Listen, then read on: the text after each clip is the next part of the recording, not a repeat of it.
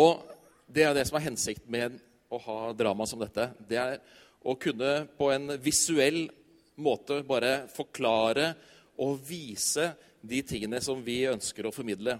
Og drama er som sagt en veldig sterk virkemiddel eh, som vi brukte mye. Jeg, jeg, er så stolt av disse her. Det var så utrolig eh, bra, det dere har eh, vist i dag. Og eh, da vi var på tur der nede, så må jeg si at jeg, jeg var så imponert. Altså, fordi at dere klinte til og jobbet og jobbet og jobbet. Og jobbet, og det var veldig få negative eh, ord og uttrykk som ble sagt, og holdninger. Men eh, alle var veldig fokuserte, og alle var fint samhold. Og vi gjorde faktisk veldig mye bra der nede.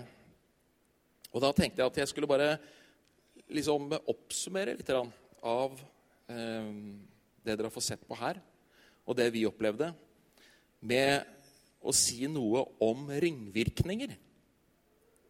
Fordi ringvirkninger, det har det vi har vært med på. Det er helt klart at når 40 ungdom reiser ned til Bulgaria og kommer valsende inn i en liten landsby, så gjør det veldig sterkt inntrykk på de som er der. Men når vi drar, så er det ikke sånn at da er det ikke som om det har, ikke hadde skjedd. Men det har ringvirkninger. Og det samme med når vi eh, var sammen med andre menigheter der, var sammen med ungdom så ga det ringvirkninger av det vi var med å formidle. Og Sånn er det med deg og meg også. Vi trenger ikke å være på en måte nødvendigvis en stor gruppe mennesker som gjør noe ekstraordinært. Men du og jeg har og lager ringvirkninger i hverdagen der vi går. Morten han var på eh, Chilbil på fredag på ungdomsmøtet vårt og pratet om vennskap og relasjoner. Og det var veldig bra. Og en av de tingene han sa, det er at eh, dine relasjoner de er ikke nøytrale. Det er ikke sånn at eh, du, dine relasjoner ikke har noe betydning eller ikke har noe innvirkning på deg. Men alle dine relasjoner, være seg til venner, foreldre, klassekamerater osv., de vil påvirke deg på en eller annen måte i positiv retning eller negativ retning i forhold til det som er og du står for i ditt liv. Og sånn er det med de tingene vi gjør også. Og de tingene vi sier, de har ringvirkninger rundt oss. Og det var det jeg egentlig tenkte å si litt om. Når vi tenker på, eh, på Gud, så tenker vi veldig ofte på eh, en sånn mystisk kraft.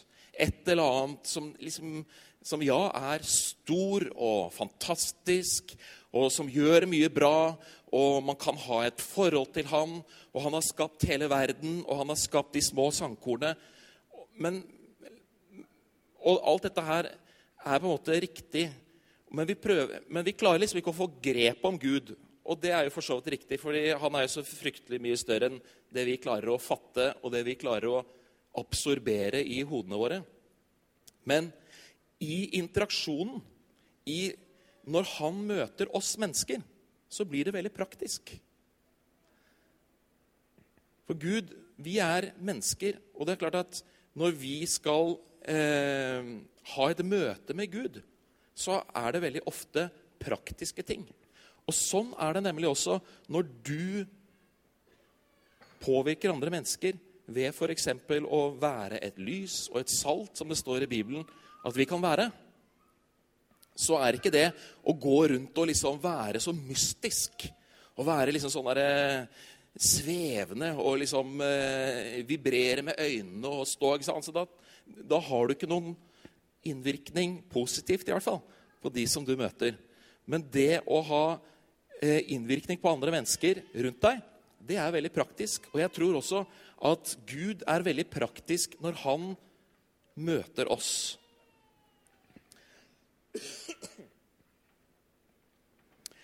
Og derfor Da kan jeg få opp den første sliden, på.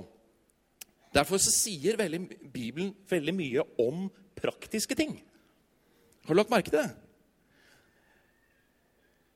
Det står mye praktiske ting i Bibelen om det å være kristen. Om det å vise andre mennesker hvem Gud er. Og I Romerne så, så sier Paulus en del ting om det å elske hverandre og sette den andre høyere enn seg selv. Ikke være lunkne, men være ivrige. At du er litt på. Og at du har medfølelse, medynk. Du gråter med de som gråter, ler med de som ler. Gleder deg over andres fremgang, osv. Ikke gjengjeld ondt med ondt, men har tanke for det som er godt. I en tidligere oversettelse står det der også at vi skal kappes om å hedre hverandre. Det syns jeg er ganske kult. At vi skal, gjøre, vi skal la det gå sport i å hedre hverandre. Og det å hedre hverandre, det er ikke disse åndelige tingene som ingen skjønner noe av. Det handler egentlig bare om veldig praktiske ting. Kappes om å hedre hverandre. Det å rett og slett glede deg med de som har fremgang. Gi et oppmuntrende ord. Gå bort til noen som du kanskje ikke prater så mye med, eller for den saks skyld gå bort til de som du prater ofte med. Men oppmuntre, si noen hyggelige ord velsigne, kappes om å hedre hverandre. For du skjønner nemlig at det du gjør, det har ringvirkninger. Så hva skal vi gjøre, da? Du skal ikke, gjøre, du skal ikke tenke på alle de store tingene. Du skal ikke tenke liksom at ja, bare jeg en gang får muligheten til å dra til Afrika, da skal jeg kline til. Eller neste gang det blir et teamtur til Bulgaria. Da skal jeg være med og velsigne noen. Vi, vi, vi, skal selvfølgelig gjøre de tingene også hvis, gir, eh, hvis, vi har muligheten til det. Men dere, vi må starte i det små, i det lille. Paulus sier veldig, eh, veldig greit Han sier at det, ikke trakt etter det store. Han snakker sikkert om noen andre ting der også. Men han sier liksom ikke trakt etter det store, men hold dere til det små. Vær praktisk. Ikke, ikke gjør så mye ut av ting. Og alle vi som sitter her i denne salen, og meg inkludert, vi kan gjøre så mye småting som har stor innvirkning på de som er rundt deg.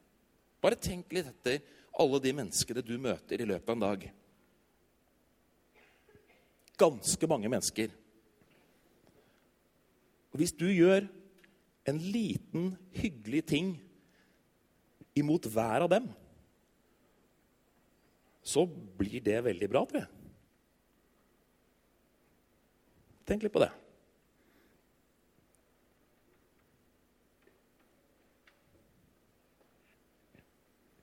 Når du velger å si noe hyggelig til et menneske La oss si at du møter en venninne, og så velger du å gå bort og si noe hyggelig til, til venninnen din så kan det hende at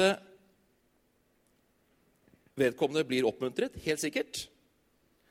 Men det du ikke nødvendigvis tenker på, det er at den følelsen av å bli verdsatt, å bli sett og bli oppmuntret, den sitter igjen etter at du har gått. Så kan det hende at historien går videre slik at denne personen faktisk ble så oppmuntret at den dagen ble en veldig fin dag for vedkommende. Det kan til og med være sånn at vedkommende da føler seg så ovenpå at han eller hun går bort og gjør noe hyggelig for noen andre igjen. Ringvirkninger. Jeg kan få på den neste sliden. Der har du ringvirkninger. En dråpe som faller i et vann og lager ringvirkninger. Det er dråpen, på en måte, det praktiske. Akkurat det som skjer der og da, det ser vi. Cause and effect. Det er liksom veldig greit å se at det er dråpen som lager ringvirkningene. Men så lages det flere og flere ringer utover. Og til slutt så ser du ikke nødvendigvis disse ringene som går utover i vannet. Men opphavet var den dråpen. Opphavet var det du gjorde mot et menneske. Den lille tingen, den lille dråpen i vannet, som skapte ringvirkninger. Ok? Tenk litt på det. Det har mye å si, de tingene som du sier og gjør til andre mennesker. Så dere, la oss bare finne muligheter til å gjøre de små tingene. Bitte små tingene. Det som ikke koster så mye. Ikke sant? Fordi at Vi kan alle gjøre alle de flotte tingene som å, liksom, å ta oss i sammen og sette av tid. og, og liksom, Min kalender den er veldig full. Så hvis jeg liksom skal gjøre noe mye, så må jeg liksom planlegge ganske langt i forveien for å få det til å liksom passe inn blant jobb og menighetsaktiviteter og familie. Men jeg har all mulighet til å gjøre de små tingene hele tiden der jeg er. Og det er å være åndelig. Det er ikke, det er ikke sånn at det, å, nå snakker Thomas bare om å være praktisk god. Ja, det gjør jeg. Men Bibelen snakker om det, at det er å være åndelig.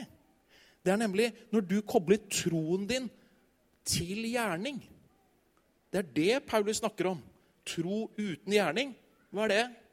Jeg kan tro på Jesus så mye jeg vil inni, inni hjertet mitt, men hvis ikke jeg lar det komme ut i noe praktisk, så betyr jo det overhodet ingenting.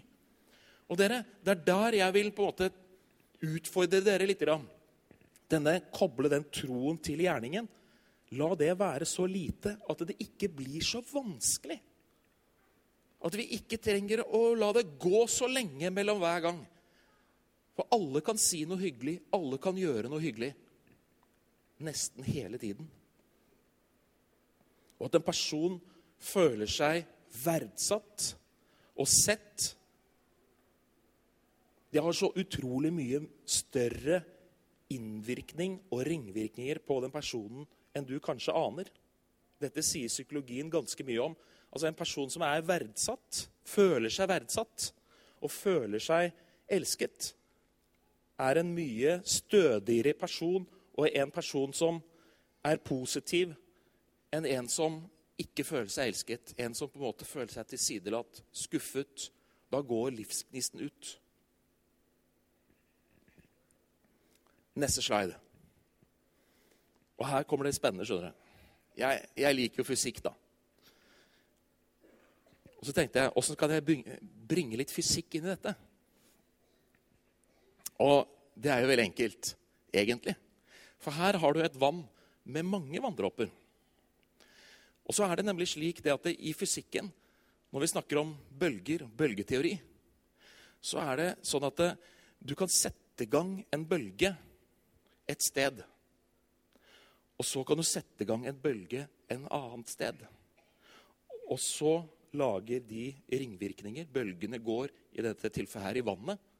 Når de møter hverandre, så virker bølgene på hverandre. Og Da er det slik at eh, da snakker vi om amplituder og sånne ting. Det skal vi ikke si så veldig mye om. Men bølgene de kan utligne hverandre. Det betyr at vannet blir stille. Eller så kan de treffe i fase. Det betyr at bølgetoppen fra den ene treffer bølgetoppen på den andre. Og hva skjer da? Da blir bølgen i effekt mye større i midten.